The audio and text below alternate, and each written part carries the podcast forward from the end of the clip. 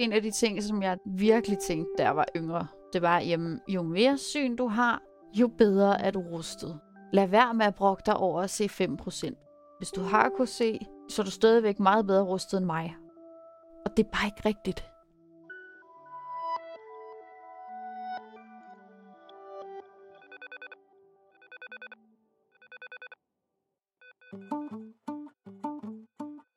Som jeg har fået flere og flere synshandicappede i min omgangskreds, er der noget, jeg har lagt mærke til. Vi taler tit om synshandicappet som en samlet gruppe, og det er der en vigtig pointe i. Vi skal stå sammen og kæmpe med vores fælles stemme for vores fælles rettigheder. Men så sniger der sig en sætning ind her og der. Jeg er heldig. Jeg fik først mit synshandicap sent. Eller, han er jo også blindfødt. Og så tænker jeg, hvad handler det om? Det handler om forskellene på os. De findes, men når vi taler om dem, er det tit i sætninger, der bliver klemt ud mellem sidebenene, eller som egentlig bare er noget, vi antager.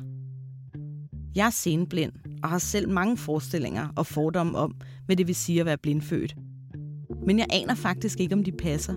Og jeg har aldrig taget samtalen med en, der er født blind. Der er nok bare nogle ting, jeg ikke spørger om men det vil jeg nu. Derfor har jeg inviteret Sofie Mongård i studiet. Grunden til, at jeg har inviteret lige præcis hende, er fordi jeg kender Sofie som ærlig og ikke bange for at dele ud af sig selv. Og så er hun blindfødt. For at komme godt i gang med en samtale, der kan være lidt svær, har vi hver især tænkt over den samme række spørgsmål fra hver vores udgangspunkt. Velkommen til alt det, som ingen ser. Og vi kunne jo ikke andet end at kalde denne episode alt det, som ingen spørger om. Øh, nu trykker jeg record. Mm. Jeg hedder Sofie Mongård, og jeg er 27 år. Jeg er født med den øjensygdom, der hedder Lebers. Det betyder, at øh, nethinden ikke er koblet ordentligt op. Så jeg plejer at sige, som et stik, der ikke er sat ordentligt i. Øh, så man kan sige, at dit syn er stationært, altså du ja. er blindfødt? Jeg er helt blindfødt øh, og har altid haft det syn, som jeg har. Så det vil sige lyssans og ikke andet. Så jeg kan se forskel på nat og dag, og det er det. Så er jeg uddannet socialrådgiver, og øh, til daglig arbejder jeg som forretningsudvalgsmedlem i Dansk Blindesamfund, hvor jeg sidder på sundhedsområdet og så er du jo tidligere podcastvært. Ja, det er jeg jo. det er så mærkeligt at sidde her igen. Ej, og vi er så glade for, at, øh, at du stiller op. Det kommer jo til at være en samtale mellem, øh, mellem os to, så derfor så introducerer jeg også lige øh, mig selv. Jeg hedder Lucif Dalin, øh, og jeg er 36 år, og øh, jeg er senblind. Jeg øh, fik konstateret mit synshandicap for, øh, for fire år siden. Jeg har retinitis pigmentosa, det er også medfødt. Øhm, og det er progredierende, så, øh, så jeg kommer til at kunne se mindre og mindre, og der er ikke rigtig nogen, der kan sige noget om, hvor, øh, hvor, hvor hurtigt eller langsomt mit syn kommer til at forsvinde. Så, øh, så det er bare at, øh, at læne sig tilbage og, øh, og vente på det. Ja, så fik vi lige slået det fast.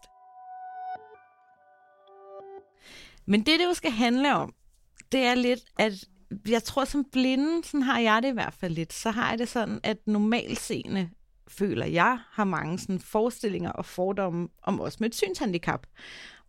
Men måske har vi det også i virkeligheden internt, altså med hinanden. I høj grad, tror jeg. Ja, og det er, sådan, det er lidt min oplevelse af sådan lidt det der med, at det er ikke lige meget, om man er senblind eller blindfødt. Altså de to kategorier findes, og vi, vi sammenligner os med hinanden. Øhm, altså jeg har for eksempel hørt nogen sige, ej, det er typisk for blindfødte, eller jamen, han er sådan typisk senblind.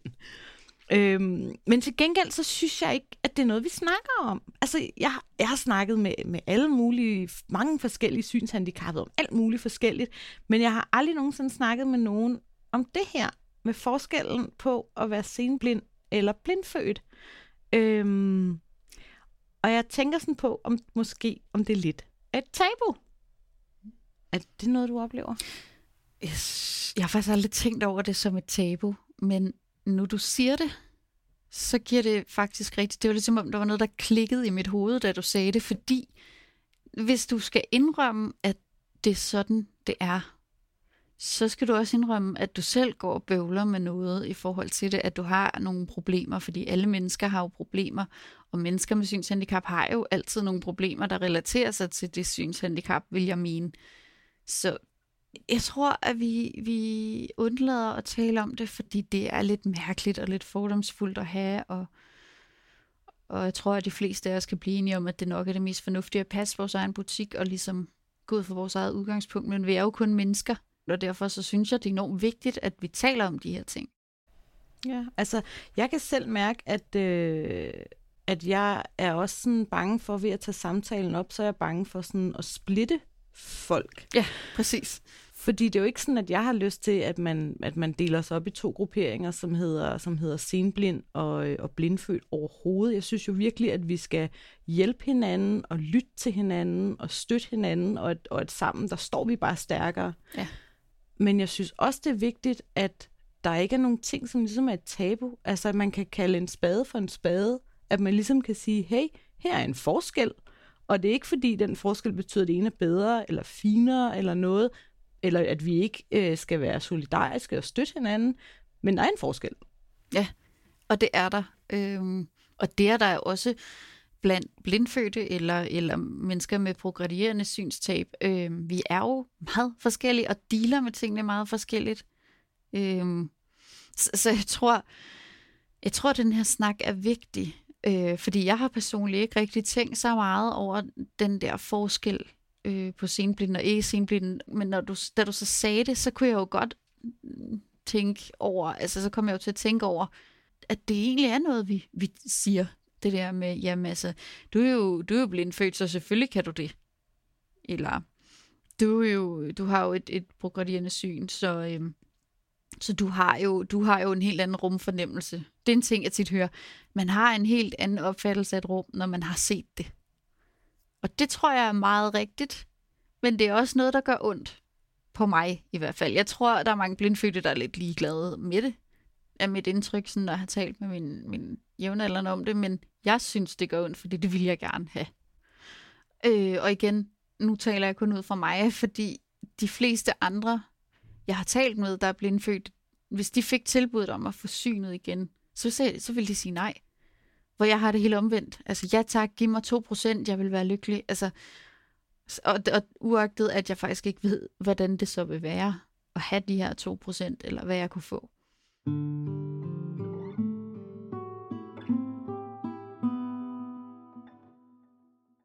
Jeg kan huske en af de ting, som jeg virkelig tænkte, da jeg var yngre øh, og barn og sådan noget, det var, jamen, jo mere syn du har, jo bedre er du rustet. Lad være med at brokke dig over at se 5%. Vær glad for det.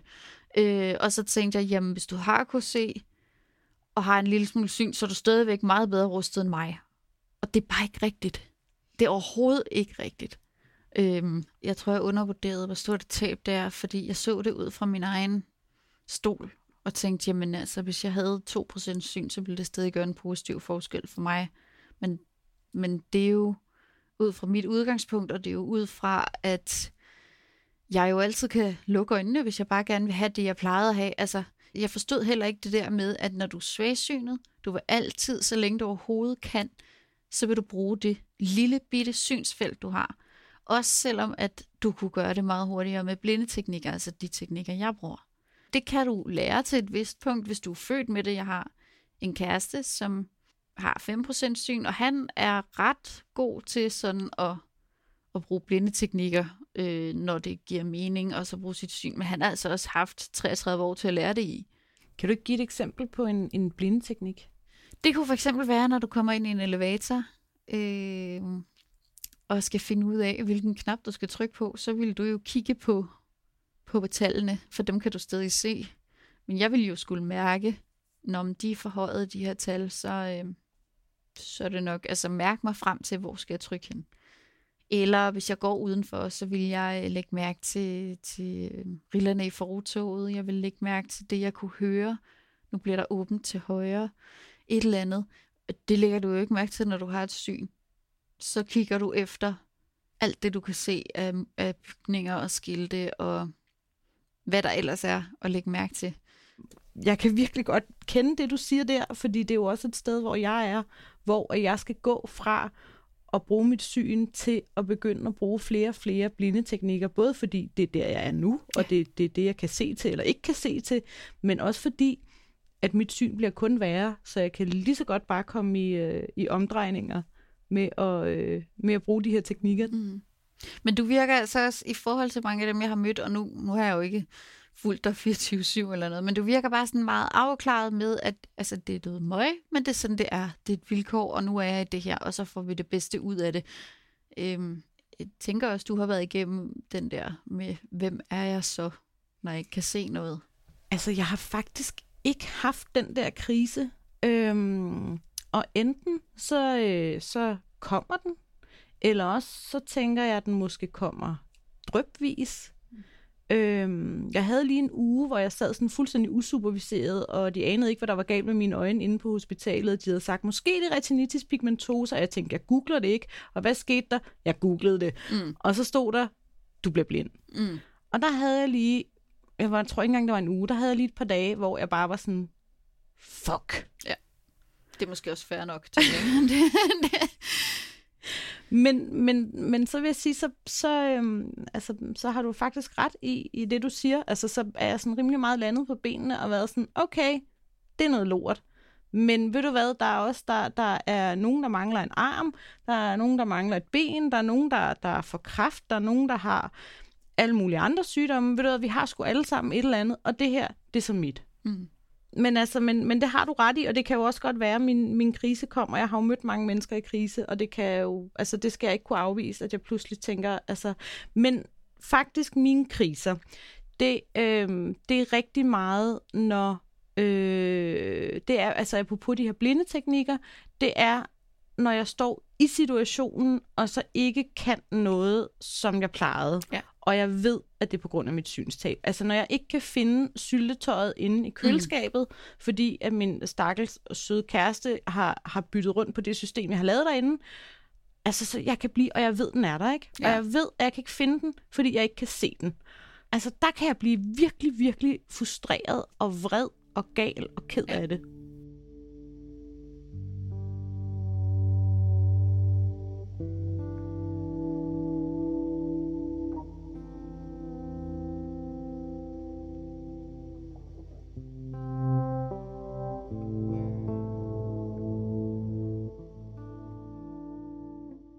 Jeg har jo, har jo stillet dig nogle, øh, nogle spørgsmål her, og dem har jeg jo så også øh, selv skulle, øh, skulle ja. svare på.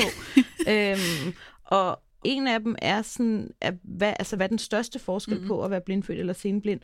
Og så sad jeg sådan lidt og tænkte, hmm, kan jeg vide, hvad det er?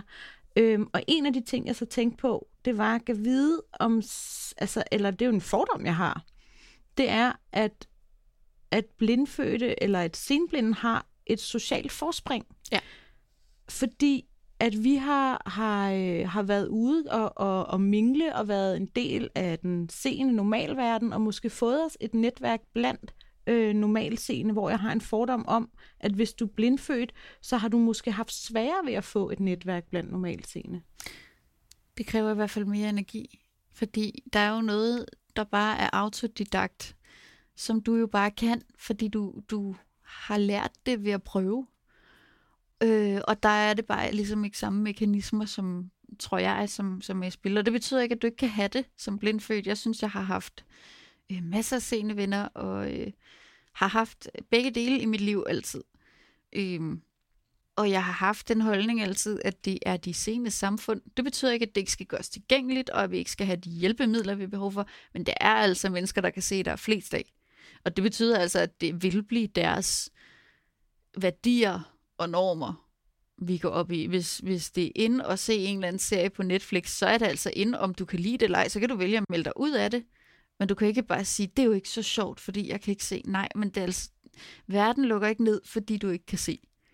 Øhm, og det, det er jo min holdning, og der er jo lige så mange forskellige holdninger til det her, som, som der er mennesker. Men, men det, jeg kan sige i forhold til mig selv, det er, at jeg synes, det kræver rigtig meget energi bare det at være til en reception kræver meget energi, øh, fordi der er så mange mennesker, og det er svært at finde øh, det, man, man kan finde. Og dem, man så kan høre, der snakker, de snakker jo med nogle andre, så skal du gå hen og ligesom bryde ind i den samtale, og det synes jeg ikke er særlig rart.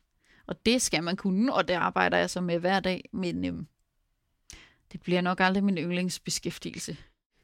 Hvad med dig? Har du tænkt over, hvad, hvad den største forskel på at være, øh, være blindfødt og senblind er? Øhm, igen, jeg tror, det er meget individuelt. Ja, og det skal vi jo også lige huske at sige, at, at selvom jeg er senblind, og du er blindfødt, så kan vi jo ikke være repræsentanter. Nej. Det er ikke en opskrift på, hvad der har været det her, fordi at, at jeg kender folk, der har det fuldstændig modsat af mig, som også er blindfødte og sådan noget. Øhm, jeg kender også folk, der er enige, så vi er bare forskellige, men set ud fra mit perspektiv, der vil jeg nok sige, at jeg... Jeg vil starte et andet sted at sige, hvis, hvis jeg kunne vælge noget, jeg gerne ville kunne se, så er det folks ansigtsudtryk. Og det kan godt være, at du på et tidspunkt bliver blind og ikke kan se folks ansigtsudtryk længere, men du ved godt, hvordan ansigtsudtryk ser ud. Du ved godt, hvordan kropssprog ser ud. Det gør du ikke, når du er blindfødt. Du kan få vist nogle ting, som du kan indarbejde. Men du kan aldrig få det som en lige så naturlig del af dit liv, som du kan, når du bare ved det i forvejen. Du mister jo ikke dit kropssprog, bare fordi du ikke kan se. Øhm, hvis du ikke øhm, har, har noget netværk, som virkelig gør en indsats for at vise dig, hvordan man gør forskellige ting, så ender du med ikke at have noget kropssprog. Og jeg tror, det er meget vigtigt at få så meget som muligt ind som, som barn. Øh, fordi det er altså sværere at lære, når man bliver voksen. Og det er jo ikke noget, dine børnevenner de fortæller dig om. Så det tror jeg, at, altså, vil være den største forskel, at du har noget andet kropssprog, du har en anden måde at bevæge dig på. Og igen, der er undtagelser, men oftest vil du kunne se, om det er en blindfødt eller en senblind, du, du taler med. Og det gør ondt. Det gad jeg godt kunne, altså øhm, bedre. Og jeg er en af dem, som kan det nogenlunde. Ja, det skulle jeg lige til at sige. Jeg synes, du har et meget levende kropssprog, og så siger du det, fordi der er nogen, der har vist dig det. Hvordan har de det? Jamen, det har både været i forhold til, nu har jeg set meget teater, og jeg har, altså, mine forældre har fortalt mig om, hvordan så gjorde han et eller andet, og så, øh, så kløede han sig i hovedet, eller et eller andet. Altså virkelig forklaret mig, hvad er det folk, de gør? Øh, og så er det også bare, at jeg er blevet rettet på, øh, og det kan virke hårdt, men jeg er rigtig glad for det i dag, at øh, der er mange, der sidder og rokker lidt, øh, og der er mange, der måske lige får rettet på en BH-strop på et upassende tidspunkt, og for måske pillet næse. Og, og... og det er simpelthen den der med, at fordi man ikke selv kan se noget, så tænker man, så er der jo heller ikke nogen andre, der lige kan se, at jeg retter på BH-stroppen, eller... Nogle gange, men jeg tror også, det er fordi, man tænker simpelthen ikke over, at det er noget, der ser ulækkert ud, eller mærkeligt ud. Hvornår er du blevet, øh, blevet rettet på, og, og af hvem? Mest min familie faktisk. Øh, min mor øh, og min mor og morfar. Øh, de var meget indover, og min far også. Altså, jeg gjorde én ting, som til gengæld også var virkelig klam. Og, og det er noget, min mor ikke har lyst til at tale om øh, i dag. Jeg synes, det er vigtigt at tale om, og jeg har det fint med at tale om det, fordi jeg har ikke gjort det, siden jeg var 12. Altså. Øh, men der, der er mange blindfødte, der har det med at stikke en finger i øjet. Og det er noget med, at det føles rart, og man ser nogen lysglimt. Øh, og jeg har gjort det, siden jeg var tre måneder gammel. Og det er en ting, som, som mange blindfødte bare gør. Altså simpelthen røre, røre ved sit øje? Ja, ja, og gerne en bagøjet også. Og det ser jo vanvittigt ulækkert ud. Gud, det har jeg aldrig nogensinde Nej. set. Hvor er det spændende. Det er der rigtigt, og det er børn, der meget gør det. De fleste vokser heldigvis fra det. Der er øh, nogle stykker, der aldrig gør, men, men man vokser heldigvis som regel fra det, og det gør jo så også, at ens øjne de bliver jo meget røde, og øh, sådan bliver skubbet tilbage, og altså, det var ikke alle, der gjorde det lige så hæftigt som mig, men jeg sådan, når jeg gør noget, så gør jeg det ordentligt. Øhm, og det var jo så ulækkert, og så upassende at kigge på, og det vidste jeg godt. Fordi folk sagde det jo, de prøvede alt. Altså, de prøvede at tro mig til at lade være, de prøvede at give mig gaver for at lade være. Øhm, intet hjælp, fordi det handlede ikke om, at jeg ikke ville. Men det skete bare. Det er lidt ligesom at blive negl. Ja.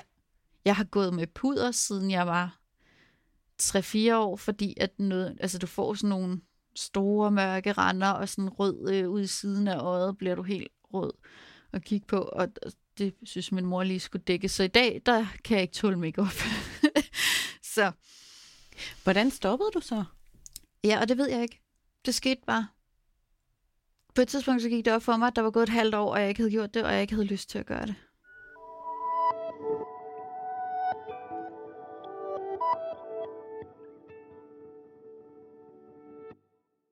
Jeg tænker i forhold til det, du siger med, at du godt sådan kan, altså kan misunde kropssproget på, øh, på sceneblinden, så tænker jeg, at der, jo, altså, der er jo altid den anden side af medaljen. Mm. Og den anden side af medaljen af det her sidder jeg tænker, det er at få den der, men du ser jo ikke blind ud. Mm.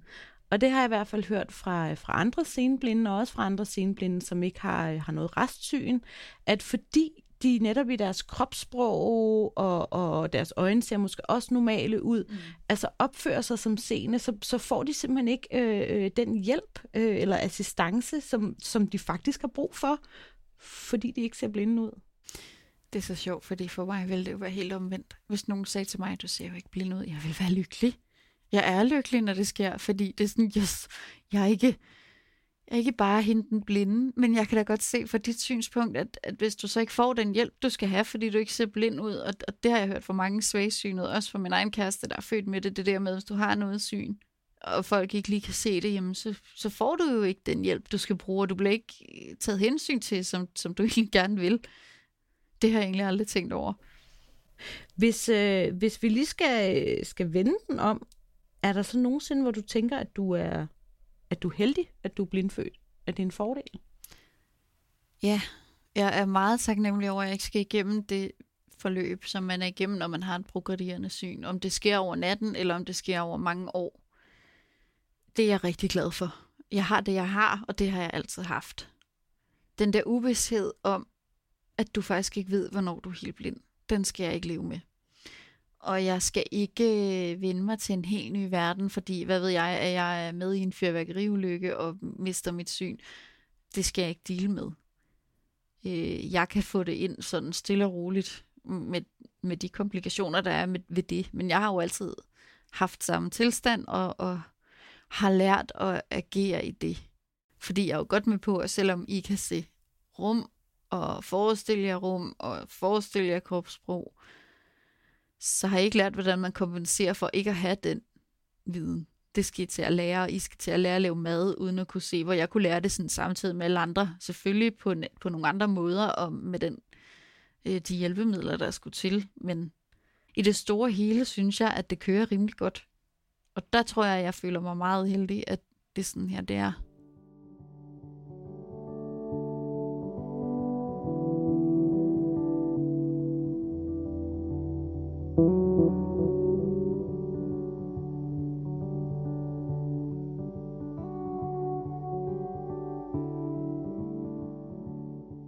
Som senblind, så kan jeg godt have sådan en, en oplevelse af, at jamen, alle, som er blindfødte, har bare en toptrænet hørelse og har bare en super god hukommelse og nogle virkelig gode systemer for at kunne finde ting derhjemme eller kunne finde rundt. Det tror jeg også, vi har. Altså, i hvert fald systemer for at gøre ting. Men hvis du nu er så uheldig, det er jeg heldigvis ikke, men hvis du er så uheldig at være født blind og uden stedsans. Altså, der findes jo også seende mennesker, der kan fare vildt øh, på en blind vej. Altså, hvis du er en af dem, så er du rimelig illestet, hvis du ikke kan se. Øhm, og, og der er jeg ikke, men derfor er jeg stadig distræt og glemmer ting. Og det er også det, der sker, når jeg går rundt udenfor, fordi egentlig har jeg en, en ganske udmærket rumfornemmelse og fornemmelse. Jeg kan godt lave kort ind i hovedet over, hvordan øh, ting ser ud, og, og jo flere fejl, jeg ligesom laver på en rute, så bl- kommer de ligesom ind på det kort, jeg har i hovedet. Øhm, som steder. Altså hvis jeg går ned ad en forkert vej, så ved jeg, at den vej ligger der næste gang og sådan noget. Men jeg kan godt glemme, hvornår jeg skal dreje til højre, og var det til venstre, og var det lige ved det der træ, og, og det, øhm, det kan føre til nogle spændende scenarier nogle gange. Så, så nej, jeg, jeg tror ikke, at man er bedre til mobility, bare fordi man er blindfødt. Jeg tror måske, man er lidt mere modig ofte, fordi at man ikke har set trafikken og er vokset op i det, og, og ved, at det er det, der er vilkåret. Men altså i forhold til, når man er altså, senblind, så kan man i hvert fald godt være sådan, ej, det er lidt utrygt. Og er bilerne ikke utrolig tæt på mig nu? Og sådan noget. Altså, den, den har jeg ikke. Men, men jeg tror, at, at begge situationer kommer med hver deres udfordringer. Altså, jeg har jo mit, mit mobility-forbillede øh, af vores formand Ask. Ja. Og han er jo senblind. Han havde i hvert fald mere syn som barn. Jeg Ja. tror næsten ikke, han har noget nu. Han går jo ekstremt hurtigt, mm. og han bevæger sig meget hurtigt og pludseligt. Ja. Og jeg er meget utålmodig, og er bare sådan, jeg magter simpelthen ikke at blive mere blind, hvis jeg skal gå rigtig, rigtig langsomt, fordi det er mit liv simpelthen for kort til.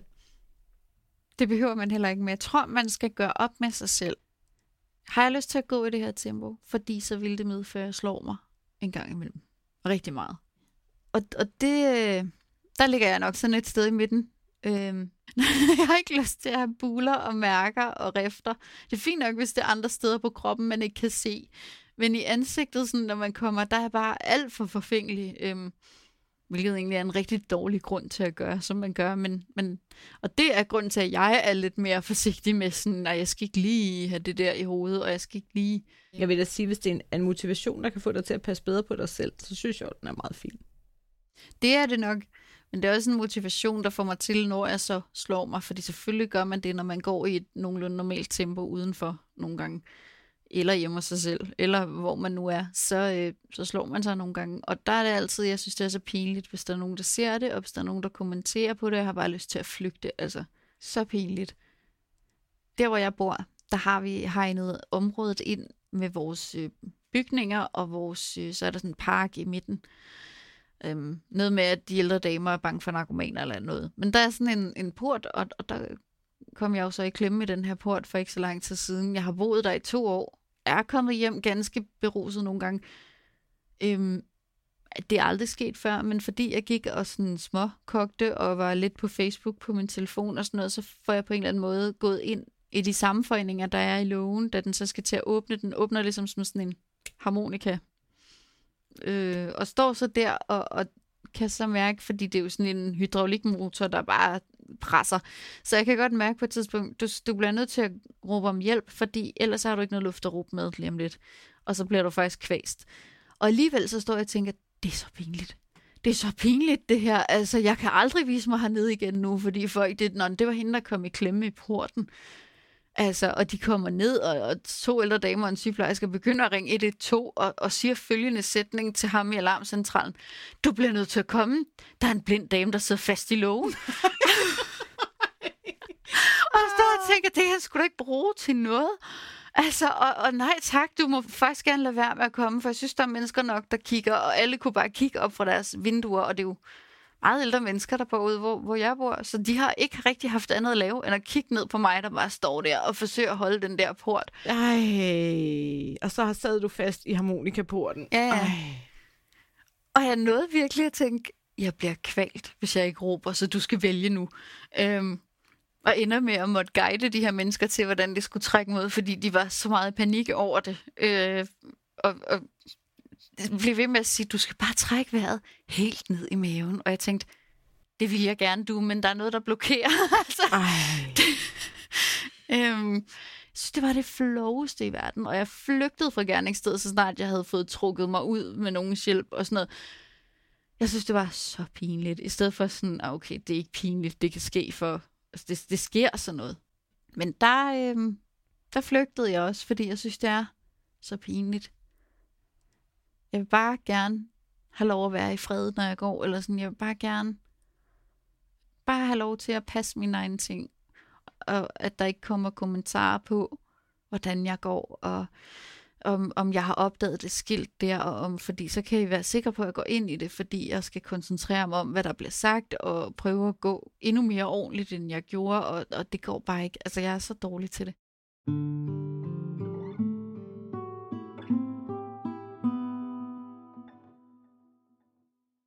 Det næste spørgsmål, som jeg har, har bedt om at tænke lidt på, det er, om der var noget, du ville ønske, at senblinden forstod eller vidste om blindfødte. Ja, jeg tror, det vigtigste at vide, når man er senblind, det er, at du sagtens kan have et rigtig godt liv alligevel. Fordi det er noget af det, der kan provokere mig allermest. Øh, og jeg ved godt, det kommer fra et godt sted, og at, folk er i krise, men altså, der er så mange, der tror, både pårørende og udenforstående, og dem, der står i det, der tænker, jeg kan ikke få et ordentligt liv. Mit liv er slut nu. Og jeg forstår jo godt, at folk tænker sådan, og, og det er en meget naturlig reaktion, men man føler sig lidt ramt, sådan, jeg synes egentlig, jeg har et meget godt liv. Men det kan jeg egentlig godt forstå, du føler dig ramt af, fordi at det, hvis man kommer helt i krise over at have mistet synet, eller de pårørende, der siger, eller nogen, der bare siger, at du kan jo, med puha, du kan jo ikke få et godt liv, hvis du er blind. Det er jo lidt det samme som at sige, Sofie, du kan ikke have et godt liv. Præcis, og det er jo ikke det, folk tænker. Det ved jeg godt. De tænker, min mor, jamen hendes liv er jo slut, hun kan jo ingenting nu. De tænker slet ikke på mig, det handler ikke om mig. Men det føles stadig rigtig ubehageligt. Altså, og det, sådan er det, og det er en, igen, det er en meget naturlig reaktion, og jeg prøver ligesom at sætte mig ind i det ved at tænke, hvad så hvis du ikke kunne høre, og så ville jeg være døvblind, og det ville selvfølgelig ikke være det samme, men tabet ville da være det samme. Det er jo den sans, jeg bruger allermest, og så kan jeg måske lidt bedre forstå, hvor det kommer fra, ikke? Men, men, men sådan på det personlige plan, der, der tænker jeg tit, kan vide. Altså, det er også fordi, så, så begynder jeg at revurdere, har jeg et godt liv? Ja, det synes jeg da egentlig, jeg har. Jamen, er det det her liv, jeg sådan gerne vil have? Altså, så det bliver lige pludselig meget dybt. Men jeg kan godt forstå, hvad du, altså jeg bliver også ramt. Jeg sad i en flekstrafik forleden, hvor mm. øhm, der sad en gammel dame, der kom ind i den, og jeg må godt sige gammel, fordi hun var 87, fortalte hun mig. og hun fortalte mig også, at hun havde været ude og øh, drikke portvin med sine kusiner, der var på besøg fra Canada. Mm. Og hun sagde også, at de havde fået lidt rigelig portvin, og det kan jeg, øh, det kan jeg bekræfte. Hun var, hun var i rigtig godt humør. Og så øh, kommer der, øh, hun var synshandicappet, mm. og så kommer der en, øh, en anden øh, øh, ældre dame på, øh, på flekstrafikken også, og den første, der skal af, det er så den her ældre synshandicappede dame. Øhm, og hun har lidt svært ved både at finde sin dør og sit nøglehul. Mm. Og jeg sidder bare og tænker sådan, ja, fordi hun havde fået rigtig meget portvin. så, så det kan jeg sådan set godt forstå, at hun har. Det ender med, at flekstrafikchaufføren, han, han står af og hjælper hende så med at, at komme ind. Øhm, og jeg tænker bare, når jeg bliver 87, at jeg også har været ude og drikke portvin med mm. nogen, og er så besoffen, at jeg ikke rigtig kan finde ud af at komme ind af min hoveddør. Det vil jeg håbe for mig. Men så sagde hende den anden ældre dame, øh, hun var ikke synshandicappet, hun havde, havde øh, noget besvær med benene, så sagde hun, ej, til mig, jeg var den eneste tilbage, jo mange ting kan de tage fra os, men synet er dog det værste. Uh, den er også tung. Og hun så bare helt anderledes på hende her, den ældre dame, der havde drukket portvin. Hun så det som, at det var på grund af hendes synshandicap, at hun ikke kunne kunne komme ind af den mm. dør, og havde jo enormt ondt af hende. Mm. Og hun vidste ikke, at jeg var synshandicappet, og jeg sagde heller ikke noget, Nej. men jeg havde bare sådan lyst til at sige til hende, ved du hvad, det skal du ikke sige. Altså, jeg, jeg er synshandicappet, jeg synes, jeg har et godt liv. Og hende her, som du har rigtig ondt af, hun har haft en fantastisk aften i dag. Så jeg kender godt den der, men sådan, man bliver ramt hver gang. Ja, man bliver meget ramt. Det er faktisk det eneste spørgsmål, som jeg ikke rigtig selv har kunne svare på, det her med, om, om der var noget, man ville, altså om der er noget, jeg som senblind ville ønske, at blindfødte forstod. Men, men faktisk, øh, så i forhold til det, du siger med, at du sådan set ikke var klar over, altså det tab og den krise, som mange senblinde er igennem, øh, der vil jeg da sige, at det, det vil jeg da så i hvert fald håbe, at, øh, at måske også med den her udsendelse, at hvis man sidder og er, altså er blindfødt, at man så nu ved, at, at de fleste senblinde, de er jo i en mega, mega krise. Ja. Og jeg tror også, det er vigtigt øh, den anden vej at huske på, altså når man er senblind, så er det at være blindfødt altså ikke paradis på jord i forhold til, at du har også kriser. De er nok mindre, og der er nok flere af dem. De kommer nok bare hen ad vejen øh, i stedet for. Ja, og hvad det? Hvad er man i krise over som, hvad kan det være? Det kan være, at man, altså over det er så svært øh, for mit vedkommende. Fordi jeg er meget forfængelig og går op i, hvad for noget tøj jeg har på. Og der har det været det der med, er jeg okay at kigge på? Altså, ser jeg okay ud? Finder jeg nogensinde en kæreste? Øh, kan jeg gennemføre det her studie? For det er godt nok hårdt lige nu. Øh, og det har jo ikke været så, så, så slemt, at jeg ikke har kunnet stå op om morgenen, men det har det fyldt rigtig meget. Og det, igen det der med at føle sig anderledes, fordi du bliver konfronteret med det igennem hele din barndom. Øhm, og du har ikke, øhm, ja, i mangel på bedre ord, den undskyldning eller den begrundelse, at jamen, det er så nyt for mig det her, så jeg fjoller lige lidt rundt. Øh, jeg, jeg kejler lidt. Det kan du ikke bruge, når du har været blind altid. Der forventes det på en eller anden måde, at det har du styr på. Og det har du altså ikke altid. Noget, som vi har debatteret også, det er det der med, skal du tage noget andet tøj på, når du er sammen med dine blinde venner, eller altså i forhold til, når du er sammen med folk, der kan se dig. Gud, er det en ting? Det er en ting. Okay, fortæl om det.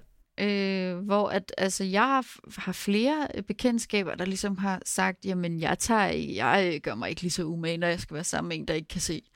Det er så respektløst. Altså, i, i min optik er det, fordi jeg vil virkelig, virkelig føle mig ramt, hvis mine venner, de mødte op hos mig.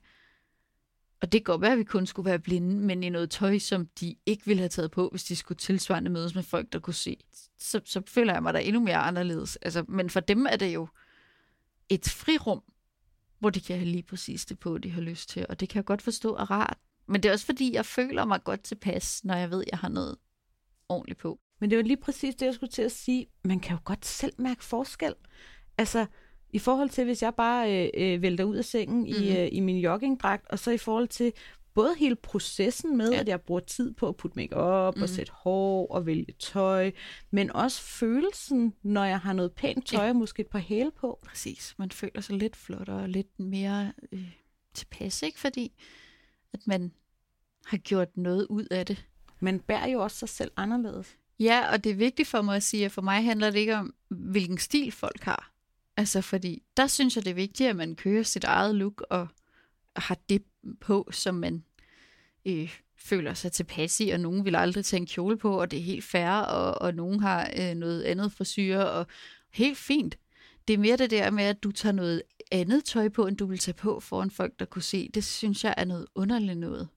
Hvad handler det egentlig om for dig, det der med at se godt ud, når man kan sige, du jo aldrig har kunnet se dig? Jeg plejer at sige, jeg er blind, jeg behøver sgu da ikke også være grim. Altså, jeg tror, det er det, det handler om. Og så handler det også om, at jeg er vokset op i en familie, hvor det betyder meget, og også alt for meget i forhold til mine standarder også. Men, men, men jeg har det jo på, øh, jeg har det på samme måde som dig. Øhm, en af de første ting, som, øh, som jeg sagde, da, da jeg fik mit synshandicap konstateret, og ligesom fik at vide, at jeg kunne se ind i en fremtid, hvor at, at jeg ville blive helt blind, øhm, det var, at jeg satte min kæreste ned, og så sagde jeg til ham, prøv at høre, hvis jeg mister synet helt, så bliver du nødt til at lære at lægge make på mig.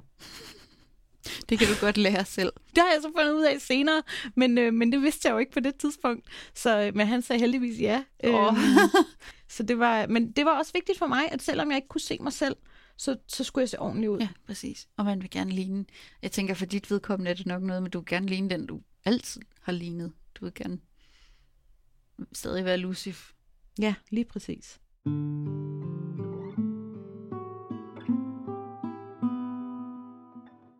Jeg synes også, det er enormt fascinerende, at, at du har taget det så cool, alt det her, altså kan jeg mærke, fordi det er bare ikke det, jeg har oplevet, når jeg har talt med folk. Altså, det er jo noget, der vælter deres verden. Ja, med senblinde. Ja. ja. Altså, det... Men der ligger også det til historien, øhm, at jeg har været i det psykiatriske system, mm. siden jeg var mm, ung teenager, 13 måske, og det kommunale system. Øhm, og det er bare lort. Øh, det er, altså det psykiatriske system virker ikke, jeg har ikke fået den hjælp, jeg skulle have, jeg har fået den forkerte hjælp, jeg er blevet, blevet øh, fejlmedicineret, mm. jeg er mm. blevet overmedicineret, jeg har været kastebold, jeg, øh, jeg er blevet mødt af, af, af mistro. Altså når man kommer og har en, en, en psykisk sygdom, så øh, kan man jo ikke dokumentere den psykiske nej, nej. sygdom, så man kan se en brækket arm eller en ødelagt nethinde.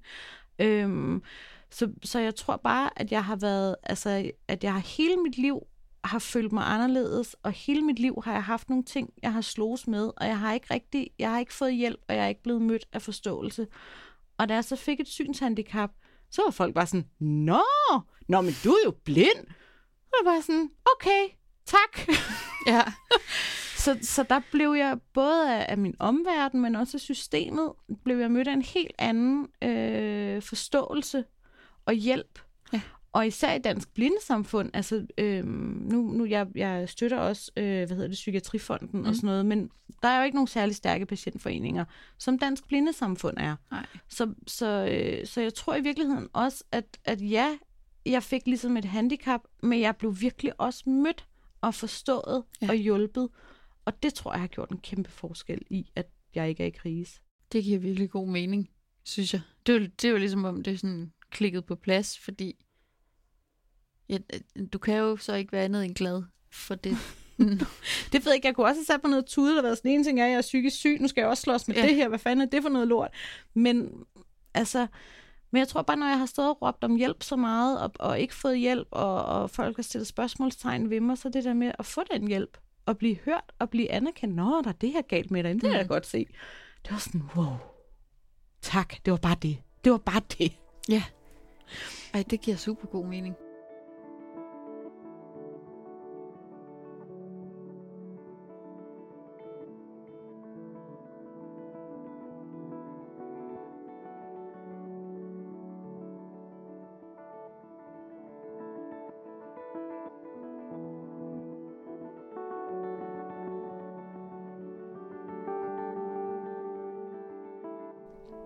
Nå, Sofie, nu, du sagde sådan til at starte med, at du egentlig aldrig havde tænkt over det der med at være senblind eller være blindfødt, men, men at da jeg ligesom bragte op, var der ligesom noget, der klikkede.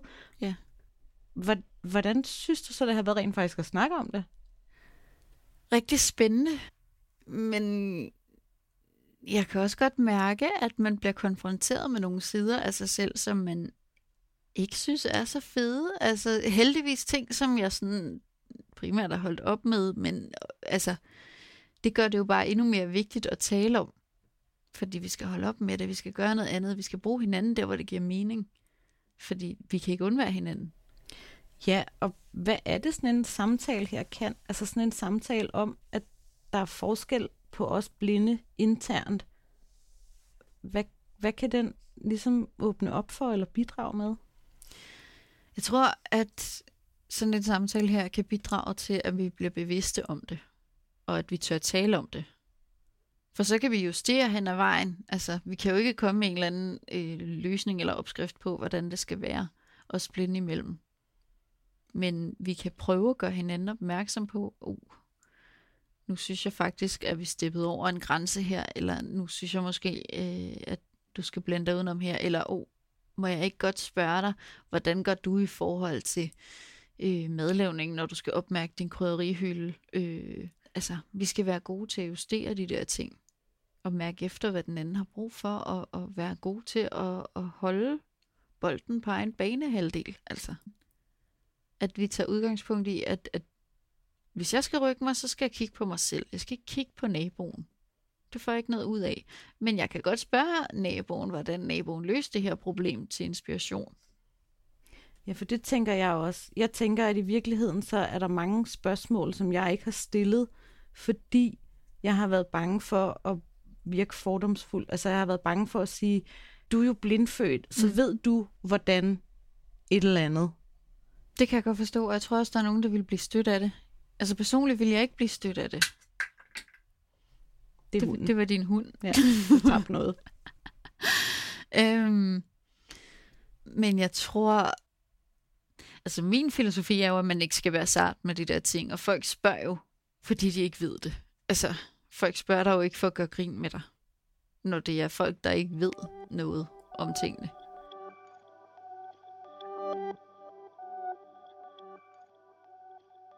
Sofie, tusind tak, fordi du kom her ind og bare var øh, så ærlig og dejlig at snakke med. Ja, i lige måde. Det har været så hyggeligt.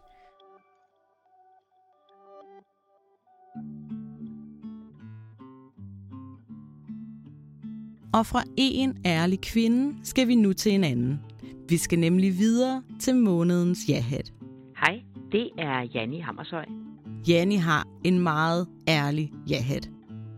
Jeg er senblind, jeg har retinitis pigmentosa, og det betyder, at øh, jeg har været seende, dengang jeg var teenager, og der betød folks udseende rigtig, rigtig meget for mig. Jeg øh, vurderede faktisk folk på deres udseende. Så øh, en, der var rigtig pæn, en, der så rigtig godt ud, kunne faktisk være sådan 100 gange et dummere svin end en, der ikke var pæn. Og så synes jeg måske stadig øh, godt om det dumme svin. Og det gør jeg ikke længere. Altså, jeg har været blind nu i 26 år eller noget i den stil. Og i dag, der er jeg fuldstændig fløjtende ligeglad med folks øh, udseende. Jeg vurderer slet, slet ikke på, altså folk på, hvordan de ser ud.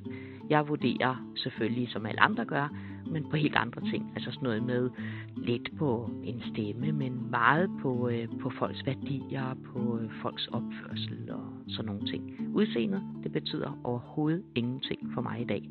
Og det synes jeg er en fordel, hvis man kan tale om fordel ved at være blind. hej hej. Tak til Janni. Der er en jahat på vej hjem til dig.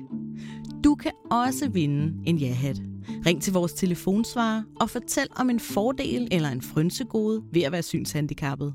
Nummeret er 38 14 88 46. Du har lyttet til alt det, som ingen ser. En podcast produceret af Dansk Blindesamfund. Afsnittet er klippet af Astrid Hall, mixet af Oliver Hoffmann og musikken er lavet af Mark Solborg. Redaktør er Rikke Hårdt, og mit navn er Lucif Dalin.